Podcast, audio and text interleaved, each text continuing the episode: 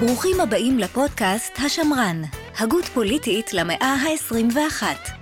הפודקאסט עוסק ברלוונטיות של המחשבה הפוליטית המערבית ובמחלוקות העמוקות שבין ימין לשמאל.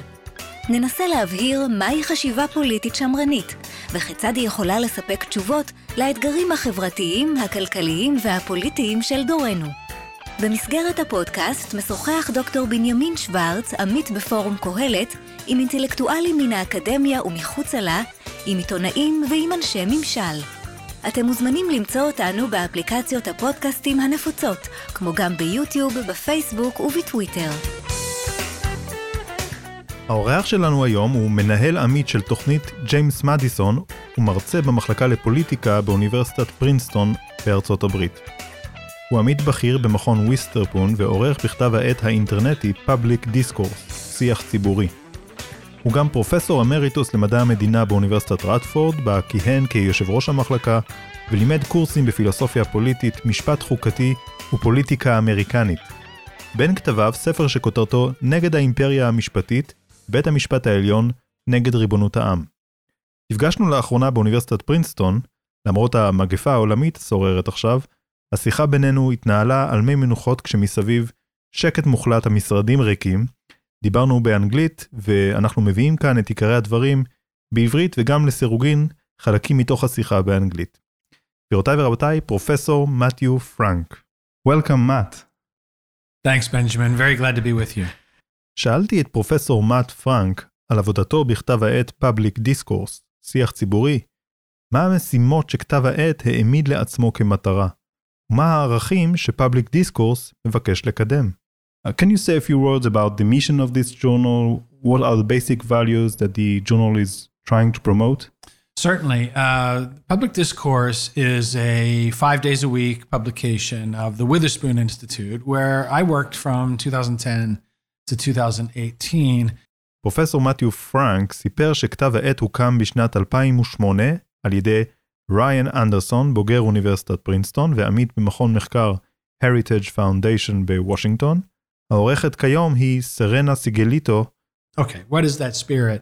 Public discourse uh, concerns itself with deep issues of human flourishing in modern life. You might say that it has an ecumenical or interfaith natural law thrust to mm. it. So uh, we have uh, Jewish writers, Catholic writers, evangelical writers for the journal. Uh, some whose you know faith we we do not know, but uh, it, generally it leans uh, conservative, but is not dogmatic or doctrinaire about such uh, classic conservative or Republican Party positions as you know taxes and the free market. That's not the kind of stuff we write about. כתב העת, מסביר לי פרופסור פרנק במושגים כלליים, מתמקד בנושאי עומק הקשורים בשגשוג של בני אדם בחיים המודרניים. יש בו כותבים מדתות שונות, יהודים, קתולים, אוונגליסטים ואחרים. באופן כללי יש בו כבוד לרעיון של משפט הטבע, הוא נוטה לשמרנות, אך לא באופן דוגמטי. הוא גם לא נוקט קו פוליטי מפלגתי רפובליקני בתחומים של מיסוי ושוק חופשי. מה שמשותף לכותבים בפאבליק דיסקורס זה האמונה שהאדם נוצר בצלם אלוהים. זכויות האדם והחובות של האדם נובעים מהעובדה שהוא נברא על ידי אלוהים. Public discourse is about the integrity of the human person. Which uh, means? Well, we firmly believe from all our faith traditions, those of us who write and edit at the journal, that human beings are made in the image of God. They have a God given dignity, that their rights and their obligations flow from that createdness, that, uh, that sense in which we are creatures of God. לכן הזכויות והחובות הללו קודמים לכל התביעות שיש למדינה כלפי האדם. הזכות לחיים מקודשת. לכן הם כותבים על חופש דת, עיקרון חשוב מאוד עבור כל הכותבים בז'ורנל. באופן כללי הם שמים דגש על היסודות המוסריים של חברה חופשית, גישה ליברלית קלאסית של שמרנים בארצות הברית. שאלתי את מתיו פרנק, האם לדעתו התפיסה שהחובות הדתיים קודמים למדינה, לא מאיימת על אזרחות טובה ועל שמירה על החוק במדינה. Of course, the, the existence of diversity in religion suggests that that some of us are wrong about some fairly deep questions. yeah. Um, because we can't all be right. אם יש כל כך הרבה דתות, מן הסתם לא כולם צודקים לגבי האמונות שלהם. אם כך, מהו היחס הנכון בין האמונה הדתית והדרישות הדתיות מהאדם, ובין חוקי המדינה?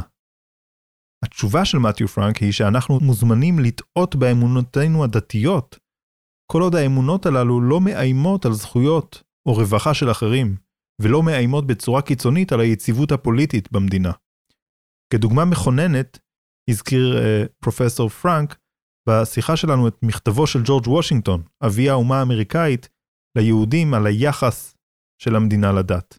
ג'ורג' וושינגטון, father of our country, in the United States, said uh, to the Jews of Newport, when he was president, uh, in a famous letter to the Hebrew congregation there. Uh, that in the United States we no longer speak of toleration, which is the position that we know you're wrong, but we'll leave you alone. Anytime we wish, we could, of course, oppress you. That's what toleration is. And he said, no, that's, that's not us. The, in the United States, we no longer speak of toleration. We speak of religious freedom in full, of, of every man's God given right to practice the religion that his reason and uh, his understanding of God's calling call him to. באמריקה אין סובלנות לדת. סובלנות פירושה, אנחנו יודעים שאתם טועים ובכל זאת ניתן לכם להחזיק בטעות שלכם. אבל באמריקה יש חופש דת והזכות של כל אדם לקיים את דתו. מכך נבעה ההתנגדות לחוק שחייב מעסיקים בארצות הברית לספק לעובדות אמצעי מניעה כחלק מתוכנית לבריאות של הנשיא אובמה הידועה בשם אובמה-קר. כותבים בז'ורנל Public Discourse טענו שהחוק הזה פוגע בחופש הדת של מעסיקים בסקטורים הציבורי, הפרטי ועמותות ללא מטרות רווח, כמו המוסד הקתולי, האחיות הקטנות של העניים. Catholic religious order called the Little Sisters of the Poor, uh, who were being compelled by the Obama administration to cover contraceptive drugs and devices for their female employees. המאבק הזה משולב. יש בו שילוב של התנגדות דתית להפלות עם הגנה על חופש דת. מאט הסביר לי שהמאבק נשא פירות ומנע לעת עתה התערבות של המדינה ופגיעה בחופש הדת. שאלתי אותו על ההתנגדות למינוי שופטים קתולים לבית המשפט העליון האמריקאי. האם יש התנגדות כזאת? ומה המקור שלה? What is in your view the source of objection to nominating Catholic judges to US Supreme Court? Is it an anti-Catholic sentiment or an objection to Catholic policies? פרופסור פרנק פרסם לאחרונה טור בעיתון וול סטריט ג'ורנל. טען שם שההתנגדות למינוי שופטים קתולים לבית המשפט העליון האמריקאי לא נובעת מרגש אנטי-קתולי. ביקשתי לשמוע ממנו עוד על כך. הוא הסביר, הכנסייה הקתולית בארצות הברית עמדה במשך שנים רבות בחזית ההתנגדות להפלות. ההתנגדות להפלות היא לא ייחודית רק לקתולים, יש גם בני דתות אחרות או אנשים שהם לא דתיים, שגם מתנגדים להפלות. אבל כאשר נשיא רפובליקני שבעצמו הצהיר במצע הבחירות שלו על ההתנגדות להפלות, כאשר נשיא כזה ממנה שופט לבית המשפט העליון, מיד הניו יורק טיימס ושומרי סף באמצעי תקשורת אחרים, בוחנים באופן אינטנסיבי את הרקורד של אותו מועמד ביחס לסוגיית ההפלות. הם מזהירים בעיקר מהמינוי של שופט קתולי שעלול לסכן את מה שהם רואים כהישג לחירות האישה, הישג שהושג לפני 48 שנים בפסק הדין המפורסם שנקרא Roe versus Wade. I don't see a sort of general hostility to the role of Catholics in public life in the opposition to Supreme Court nominees who are Catholic. What I see is, is hyper anxiety about the survivability of the abortion precedent. ההתנגדות למינוי אימי קורני בארט לשופטת בית המשפט העליון לא נבעה בעצם היותה קתולית, אלא מהחשש להתנגדות שלה להפלות. הנשיא ג'ו ביידן הוא עצמו קתולי. Joe Biden is a Catholic, carries rosary beads, goes to Mass every Sunday, has drifted further and further left on the abortion issue, and is now a staunch supporter of Roe versus Wade. Therefore, parts from the official position of the church he belongs to. ביידן הוא הנשיא הקתולי השני בהיסטוריה של ארצות הברית לאחר ג'ון אף קנדי, שנבחר ב-1960. אז קנדי ולפניו מועמד לנשיאות מטעם המפלגה הדמוקרטית שהפסיד בבחירות של 1928 להרברט הובר, היה המושל אלפרד סמית מניו יורק, שניהם, גם קנדי ב-1960 וגם סמית ב-1928, התמודדו עם התנגדות רצינית על רקע היותם קתולים. Smith and Kennedy had to face in 1928 and 1960 serious opposition on grounds that they were Catholic and that Catholics were faithful to the Pope and the Pope was a foreign potentate and how, you know, independent would the president be. הטענה הייתה שהקתולים נאמנים לאפיפיור, מה שעלול לפגוע בעצמאות הנשיא. אבל ב-2020 לעומת זאת, לא הייתה התנגדות לקתוליות של ביידן. So I think that real old fashioned anti Catholic bigotry is largely a thing of the past in this mm. country. And that what's really going on with these Supreme Court nominations is hyper anxiety on the left about the survivability of the Roe regime of abortion. מנקודת מבט ישראלית, קשה להבין לפעמים למה הוויכוח על הפלות מעורר כל כך הרבה אמוציות באמריקה. לכן שאלתי את פרופסור מתיו פרנק, כיצד נוצר הוויכוח הסוער הזה באמריקה? I think it's entirely the fault of the US Supreme Court, which went out of its way in 1973 to manufacture from materials entirely of its own imagination, not authentic legal materials from uh, the text or history of our Constitution. They invented the right, uh, the constitutional right, of a woman to have an abortion. פסיקת בית המשפט העליון בינואר 1973 הביאה להתנגדות להפלות מצד קבוצות שונות באמריקה. קואליציה שהיא ברובה דתית, שרואה במתן הכשר להפלות פגיעה בזכויות אדם בסיסיות, הזכות לחיים והזכות לכבוד. Many, many Americans are religious or informed by other moral principles that every life is precious. And so for nearly 48 years now, Roe has been strenuously opposed by a coalition, uh, largely religious, of people who find abortion a, a grievous injustice, an offense against human rights, human life, human dignity. מצד שני, שיקולים של פמיניזם וזכויות האישה הביאו את הדמוקרטים לתמוך בזכאותה של האישה על גופה ובזכותה למנוע הריון ולבצע הפלה. כך שני הצדדים מצויים בוויכוח קשה בנושא הזה. It's very difficult today compared to a few decades ago to find a Republican politician who is not uh, committed pro-lifer, and it's difficult, even more difficult, I think, to find a Democratic politician who's not a committed pro-choicer. אילולא החלטת בית המשפט העליון האמריקאי משנת 1973, היינו מוצאים, כך טוען פרופסור פרנק, שבמדינות מסוימות של ארצות הברית היו חוקים מקלים יותר, ואילו במדינות אחרות, כמה מדינות דרומיות, כנראה היינו מוצאים חוקים מחמירים יותר. החוקים בכל מדינה היו נוצרים באופן דמוקרטי, ומוכרעים במרחב הציבורי. ככל הנראה לא היה צד אחד בוויכוח יוצא כשידו על העליונה, או מרוצה לחלוטין מההכרעה הדמוקרטית. So it's really, it's the Supreme Court's insistence for decades now that it must govern on this question and mm. that it must impose the most extreme policy in the whole world on this entire country uh, that has caused this abortion related polarization in our partisan politics and has turned up the heat on all our judicial nominations, uh, nominations to the Supreme Court so, in particular. ההתערבות של בית המשפט העליון בסוגיה המוסרית הבוערת הזאת, כך סבור פרנק, מלהיטה את הוויכוח ומפלגת את החברה. מעבר לזה, יש לפרנק ביקורת על עמדת הרוב בפסק הדין, ביקורת שיש לה מקום גם בהקשר הישראלי.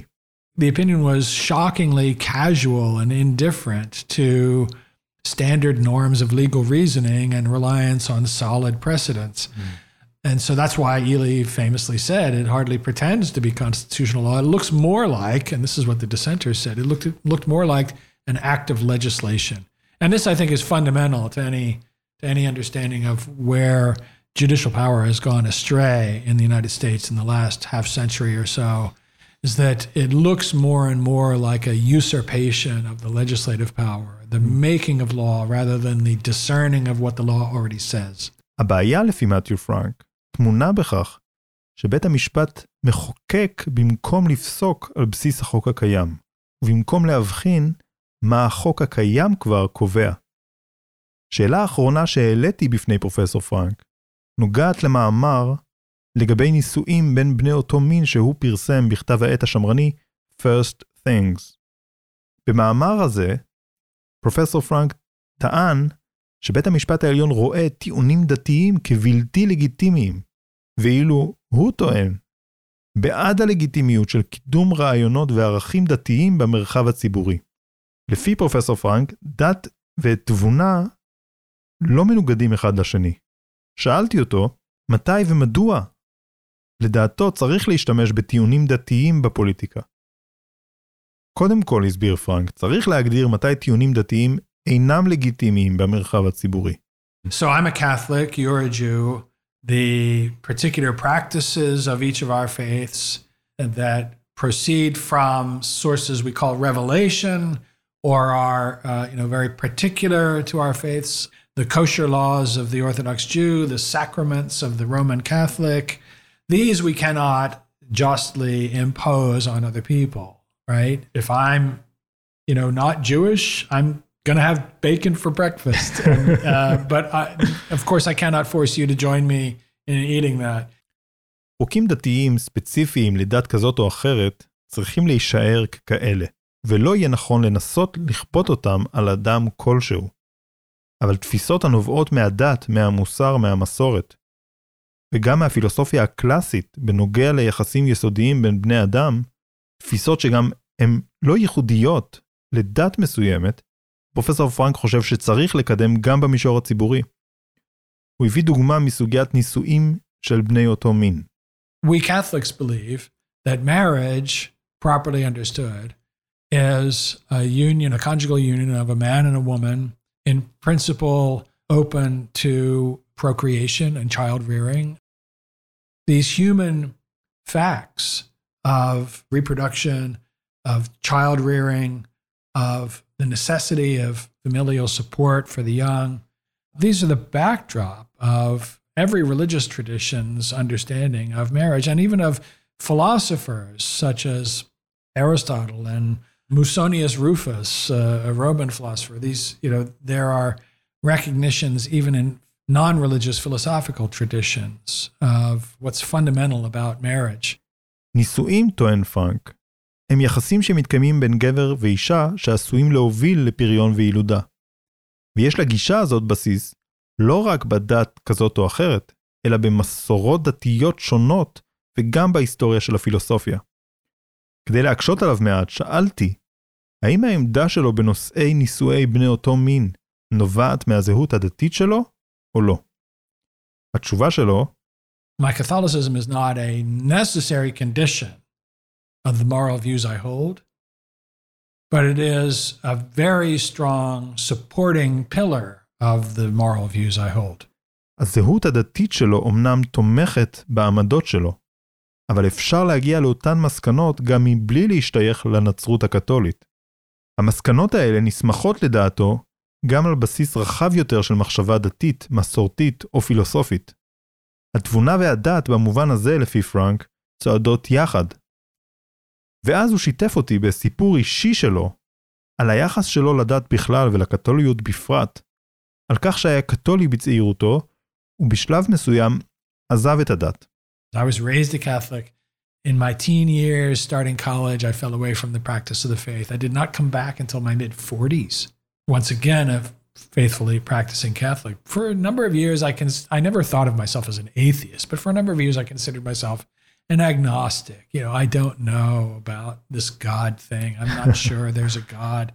I'm not sure that it's Jesus Christ, if there is one. And so I, I existed in this state of uncertainty. אבל אז קרה משהו שערער אותו והחזיר אותו במובן מסוים לדת. But you know what? When I was in graduate school and I was in this sort of no man's land of religious thought, not really being religious, I studied Roe versus Wade, and studying the decision made me so appalled at the injustice of abortion that on purely philosophical moral grounds, I became pro life. I became an ardent opponent of abortion. When I wrote the book we mentioned earlier against the imperial judiciary in the mid 90s, I was still in this non religious state of mind. And yet I was fervently pro life, anti abortion. So I've actually spent more of my adult life as a committed opponent of abortion and pro life advocate hmm. than I have spent as a Catholic. So you see, my own life is proof of the proposition that it is possible to be the holder of a strong moral view on these questions without religion being necessarily the underpinning for it or the cause of the opinions. Hmm. החלק היותר גדול של חייו, שבו התנגד להפלות, הוא היה אדם לא דתי. ולכן זו גם ראיה לכך, ככה הוא מסביר לי, שההתנגדות להפלות יכולה להסתמך על מחשבה שהיא לא דתית, אלא מחשבה שהיא רציונלית. וזוהי נקודה שבה הדת והתבונה נפגשות. Returning to the faith was something perhaps made easier by having previously adopted a moral point of view that I shared with faithful Catholics. Okay. Right. It was it was an easy transition back into the faith when I sort of rediscovered it in my 40s and returned to the practice of sacraments and mass going and all that. You know, I was a pro lifer on entirely rational grounds Right. uh, not revelatory grounds. There are rational, moral, philosophical grounds for opposition to abortion that don't spring from a religious source whatsoever. This this is where reason and faith meet, perhaps, and and my faith can can strengthen me in my resolve to oppose abortion as immoral. But the moral propositions that support the opinion and the public policy judgment and the view of justice that's involved here, uh, they can come from multiple sources, both religious and rational. So they can come from Judaism, they can come from being a Baptist, they can come from being Sikh, they can come from being Buddhist, they can, It can come also from being an atheist.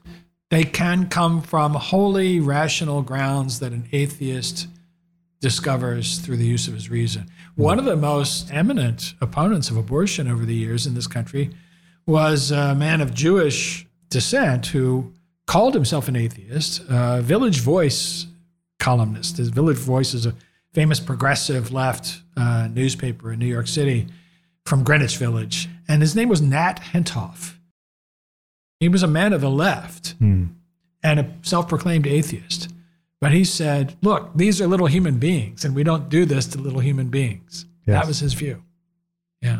ביקשתי ממנו דוגמה נוספת לתפיסה דתית שלדעתו רלוונטית לדיון במרחב הציבורי. והוא ציין את עונש המוות. רבים מהקתולים, אבל לא כולם, מתנגדים לעונש מוות. זוהי גם נקודה שבה הדת והמחשבה הרציונלית נפגשות. הן יכולות לחבור יחד, למשל בקואליציה של בני דתות שונות, וגם קבוצות לא דתיות, שפועלים ביחד למען מטרה מוסרית ופוליטית משותפת. כאן הגיעה שיחתנו לסיומה. Thank you very much, Professor Frank, for sharing with us your insights and even some of your personal story. It was very, very good to join you today, Benjamin. תודה רבה לכם על ההאזנה. אתם מוזמנים לעשות לנו לייק בפייסבוק, לעקוב אחרינו בטוויטר או ביוטיוב, להמשיך לעקוב ולהאזין ולהצטרף למסע האינטלקטואלי בפודקאסט השמרן.